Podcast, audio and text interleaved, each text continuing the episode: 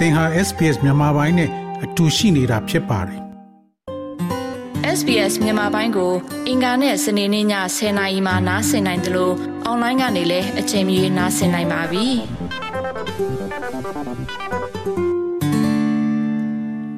သောရရှိမြခင်ဗျာနောက်ဆုံးစီရင်စရာများအရာဩစတြေးလျမှာအမျိုးသမီး၄ပုံတပုံကျော်ဟာကိုဝင်ပထမ14ပတ်အတွင်းကိုဝင်ဆောင်ဆောင်းရှောက်မှုကိုတက်ရောက်ခဲ့ကြောင်းသိရှိရပါတယ်။ ပထမ3လမှာပြုစုဆောက်ရှောက်ရန်အလားအလာနေသောသူများသည် နိုင်ငံရခြားတွင်မွေးဖွားသော အမျိုးသမီးများနှင့် အသက်ငယ်သော အမျိုးသမီးများပါပါဝင်တယ်လို့ဆိုပါတယ်။ကိုဝင်စောပိုင်းတွင် ကိုဝင်ရှိစဉ်စစ်ဆေးမှုများစတင်ခြင်းသည်တိသာထင်ရှားသောခြားနားမှုကို ဖြစ်စေတယ်လို့ကျန်းမာရေးပညာရှင်များက ပြောဆိုပါတယ်။ဒါဆိုဒါကဘာကြောင့်အရေးကြီးတာပါလဲ။ Dr. Adele Madolo သည် Melbourne ရှိ Multicultural Center for Women's Health မှအမှုဆောင်ဒါရိုက်တာဖြစ်ပါတယ်။ကိုဝင်ဆောင်စောင့်ရှောက်မှုတွေကိုဝင်ဆောင်မိခင်နဲ့၎င်းရဲ့ကလေးပါဝင်နှစ်ဦးစလုံးအတွက်ကျန်းမာရေးကိုမြင့်တင်ရန်ယောဂကာကွယ်ရန်ရည်ရွယ်ထားကြောင်းသူမကပြောဆိုပါတယ် Seeing your health practitioner at a really early point, so booking in early as soon as you find out about your pregnancy, and then having those regular appointments because antenatal care helps that health ကျန်းမာရေး practitioner ပညာ pick ရှင် up ကို whether there စော are စော any စီစီတွေ့ပါ signs of any problems. ဒါကြောင့်တင် during ကိုယ်ဝင်ရှိတာကိုသိပြီးတာနဲ့ပုံမှန်ချိန်ဆမှုတွေပြုလုပ်ပြီးတာနဲ့စောစောကြိုတင်စီရင်သွင်းလိုက်ပါအဘဲကြောင့်ဆိုသောကိုယ်ဝင်ဆောင်စဉ်ပြုစုစောင့်ရှောက်မှုသည်အတွင်းပြဿနာတစ်စုံတရာရှိမရှိကိုကျန်းမာရေးဝန်ထမ်းများကဖော်ထုတ်ရန်ကူညီပေးသောကြောင့်ဖြစ်ပါတယ် Australia Institute of Health and Welfare AIHW မှထုတ်ဝေတဲ့အချက်လက်များအရ2019ခုနှစ်တွင် အမျိုးသမီး55ရာခိုင်နှုန်းသည်ကိုယ်ဝင်ပထမ10ပတ်အတွင်းကိုယ်ဝင်ဆောင်ဆောင်းရှောက်မှုတင်ဒန်းကိုတက်ရောက်ခဲ့ကြတယ်လို့ဆိုပါတယ်။ရွှေပြောင်းအမျိုးသမီးများသည် ကိုယ်ဝင်ရှိပြီးပထမ3လပတ်တွင်ကိုယ်ဝင်ဆောင်ဆောင်းရှောက်မှုတင်ဒန်းကိုတက်ရောက်နိုင်ခြင်းနည်းသောအုပ်စု၄ခုအနက်မှတစ်ခုဖြစ်ပါတယ်။ We know that migrant women access antenatal care at a much later point than other non migrant women. And the Australian government recommends that women have their first antenatal care appointment within the 10 week period. But we know that even after 20 weeks, there is 20% of migrant women who haven't accessed antenatal care. That's the biggest for across Australia. But when you look at particular areas there's more ကိုဝန်ဆောင်ဆောင်ရှားမှုကိုရရှိကြောင်းကျမတို့သိပါတယ်။ Australia အစိုးရသည်အမျိုးသမီးများအား၎င်းတို့ရဲ့ ပထမဆုံးတရေသားပြုစုစောင့်ရှောက်မှုရက်ချင်းကိုဆယ်ပတ်အတွင်းပြုလုပ်ရန်အကြံပြုထားပါတယ်။ဒါပေမဲ့ရက်သက်တစ်ပတ်20အကြာမှတော့ကိုယ်ဝင်စောင့်ရှောက်မှုကိုမရရှိတဲ့ရွှေပြောင်းအမျိုးသမီး20ရာခိုင်နှုန်းရှိတယ်လို့သိရပါတယ်။ဒါကဩစတြေးလျနိုင်ငံတဝမ်းရှိကိန်းဂဏန်းများဖြစ်တော်လဲလူမှုစီးပွားရေးအားနည်းချက်များရှိတဲ့တချို့သောနယ်ပယ်များကို ကြီးတဲ့အခါမှာနှုံထားများမှာပိုရုပ်ပင်နေပါသွားပါတယ်။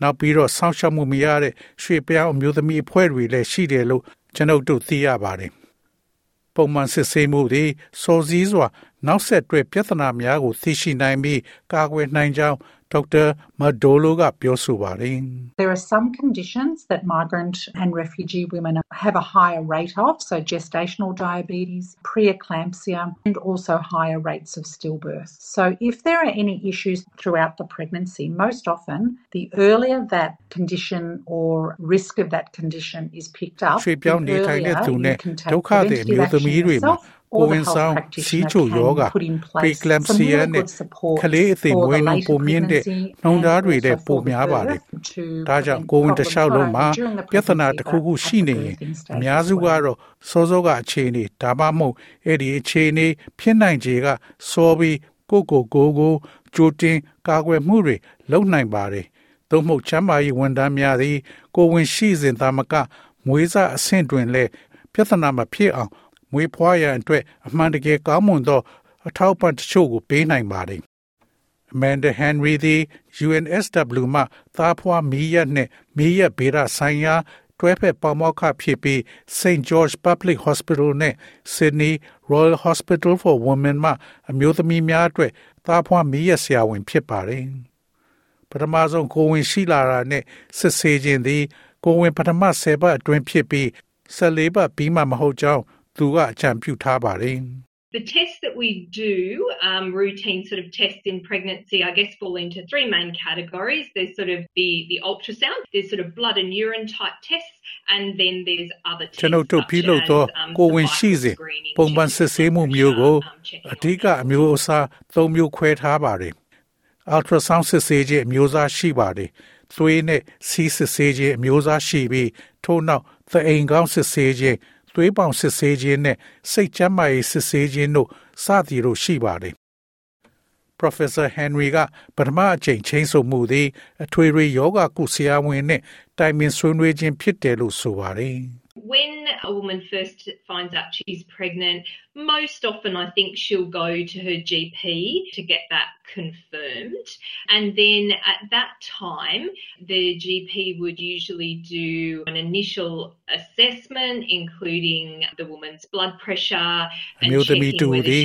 ကိုဝင်ရှိနေကြောင်းကိုပထမဆုံးသိတဲ့အခါမကြာခဏဆိုသလို၎င်းသည်အတီးပြုချက်ရယူရန်သူမ GP သို့သွားလေရှိပြီးထိုချိန်တွင် GP သည်များသောအားဖြင့်ဒနာအုပ်အကဲဖြတ်ခြင်းကိုပြုလုပ်လေ့ရှိပါတယ်အမျိုးသမီးရဲ့သွေးပေါင်ချိန်အပါအဝင် ကိုယ်ဝင်ကို ထိခိုက်စေနိုင်သောအဓိကချမ်းမာရေးအခြေအနေများရှိမရှိစစ်ဆေးခြင်းထို့နောက် GP မှသွေးနဲ့စီးစစ်ဆေးခြင်းတချို့ကိုလုပ်ခိုင်းလေ့ရှိပါတယ်ထို့နောက် GP သည်အမျိုးသမီးနှင့်အများသူငါနှင့်ပုဂ္ဂလိကစောင့်ရှောက်မှုရွေးချယ်မှုများကိုဆွေးနွေးမှာဖြစ်ပါတယ်။ ultrasound ရိုက်ခြင်းနဲ့ပတ်သက်လို့ Professor Henry က Australia ကိုယ်ဝင်စောင့်ရှောက်မှုလမ်းညွှန်ချက်များအရအကြံပြုထားတဲ့တစ်ခုတည်းသောအရာဖြစ်ပြီး ultrasound ကို18ရက်မှ20အပတ်ကြာမှလုပ်သင့်တယ်လို့ဆိုပါတယ်။သို့သောအမျိုးသမီးများစွာသည်လည်း scan ကိုချိန်ဆိုပြီးလှုပ်ထားလို့ရပါတယ်။အစောပိုင်း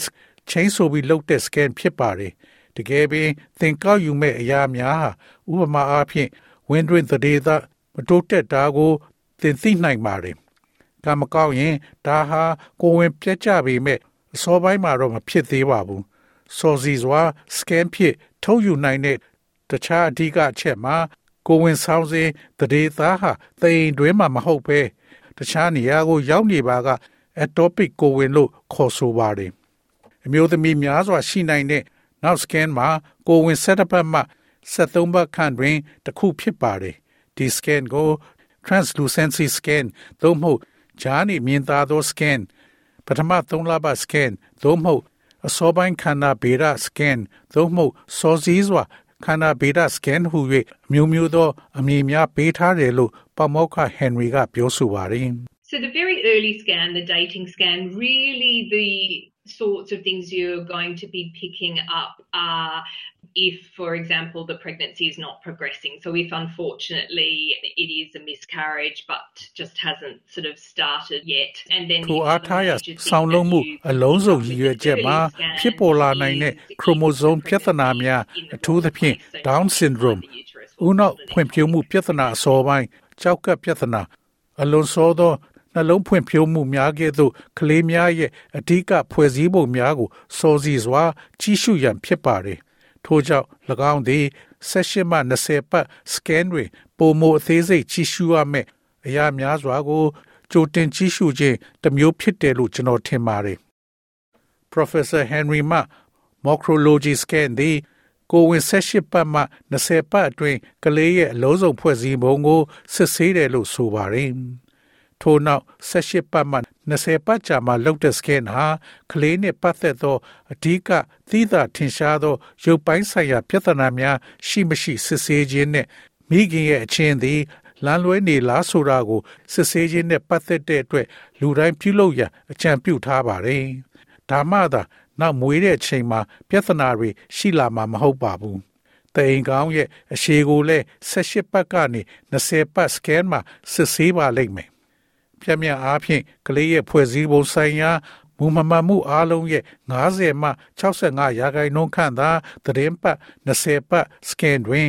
ကောက်ယူလို့ရတယ်လို့ပမောက္ခဟန်နရီကရှင်းပြပါတယ်။အဲဒီမှာတချို့အရာတွေရှိတာကို တွေ့ရှိရပါတယ် The overall purpose of that ultrasound is to screen for potential chromosome problems, uh, in particular Down syndrome, and also to have an early look at the main structures of baby, like the very early brain. ကျွန်ုပ်တို့တွေးရှိရမယ့်တချို့အရာတွေရှိပါတယ်။တွေးရှိမှုရဲ့ရာနှုန်းပြည့်နှီးပါရှိနိုင်ပါတယ်။ဥပမာအားဖြင့်ကြောရိုး beef bifida နဲ့ကြောက်ကဆိုင်ရာအဓိကပြဿနာတချို့သို့သောသိငယ်သောနှလုံးပြဿနာများခဲ့သို့သောတခြားပြဿနာတချို့ကို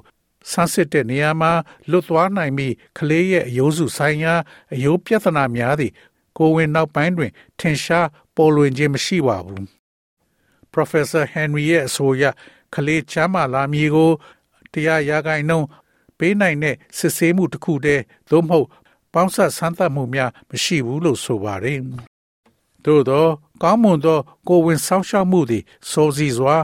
နောက်ဆက်တွဲပြဿနာများကို ရှာဖွေတွေ့ရှိနိုင်ပြီးကာကွယ်ရန်သို့မဟုတ်တချို့သောကိစ္စများတွင်တရေသားအသေးမွေးခြင်းကိုပင် ကာကွယ်နိုင်တယ်လို့မဒိုလိုကပြောဆိုပါတယ်။ Then the 18 to 20 week scan that everybody is recommended to have in terms of checking for any major obvious physical problems with the baby and checking that the placenta is out of the way isn't going to cause problems when it gets to the birth. မိခင်တွေစောစောစီစီလုံနိုင်တဲ့အလွန်ရိုးရှင်းတဲ့အရာတွေကနေ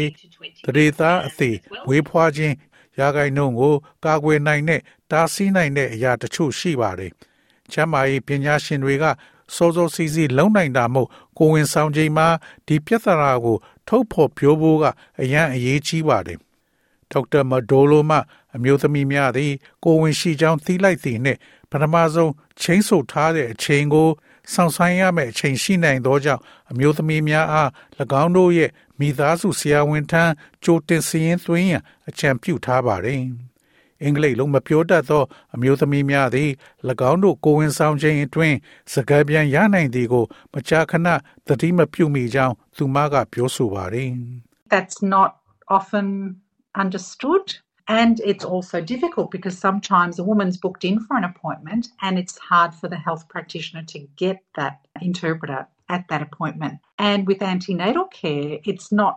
really good to delay. So I think that conversation ဒါကိုမကြာခဏနားမလည်နိုင်သလိုတခါတရံမှာအမျိုးသမီးတဦးကရက်ချင်းတစ်ခုအတွက်ကြိုတင်စင်းသွင်းထားတာကြောင့်အဲ့ဒီရက်ချင်းမှာအဲ့ဒီစကားပြန်ကိုချမ်းမာရေးဝန်ထမ်းကရဖို့မခက်ခဲအောင်ကြိုတင်ပြုလုပ်ရမှာဖြစ်ပါတယ်။ကိုဝင်ဆောင်ရှောက်မှုကို ပြုလုပ်ရန်နှောင့်နှေးခြင်းမှာမကောင်းပါဘူး။ ထို့ကြောင့်စကားပြန်အတွက်အရေးကြီးသောလိုအပ်မှုနဲ့ပတ်သက်လို့ကိုဝင်ဆောင်မိခင်နဲ့စကားပြောဆိုခြင်းသည် ထိုစကားပြန်အားစောစောကြိုတင်စရင်သွင်းရတွင် အထောက်အကူဖြစ်စေနိုင်တယ်လို့ကျွန်ုပ်ထင်ပါတယ်။သောတာရှင်များခင်ဗျာ SBS သတင်းဌာနကချီရပ်ဇာနိုရဲ့ဆောင်းပါးကိုဘာသာပြန်တင်ဆက်ပေးထားတာဖြစ်ပါတယ်ခင်ဗျာ။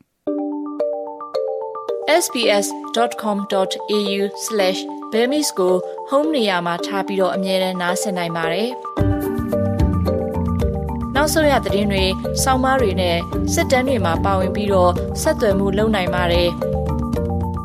sbs.com.au/bemis ဖြစ်ပါတယ်ရှင်။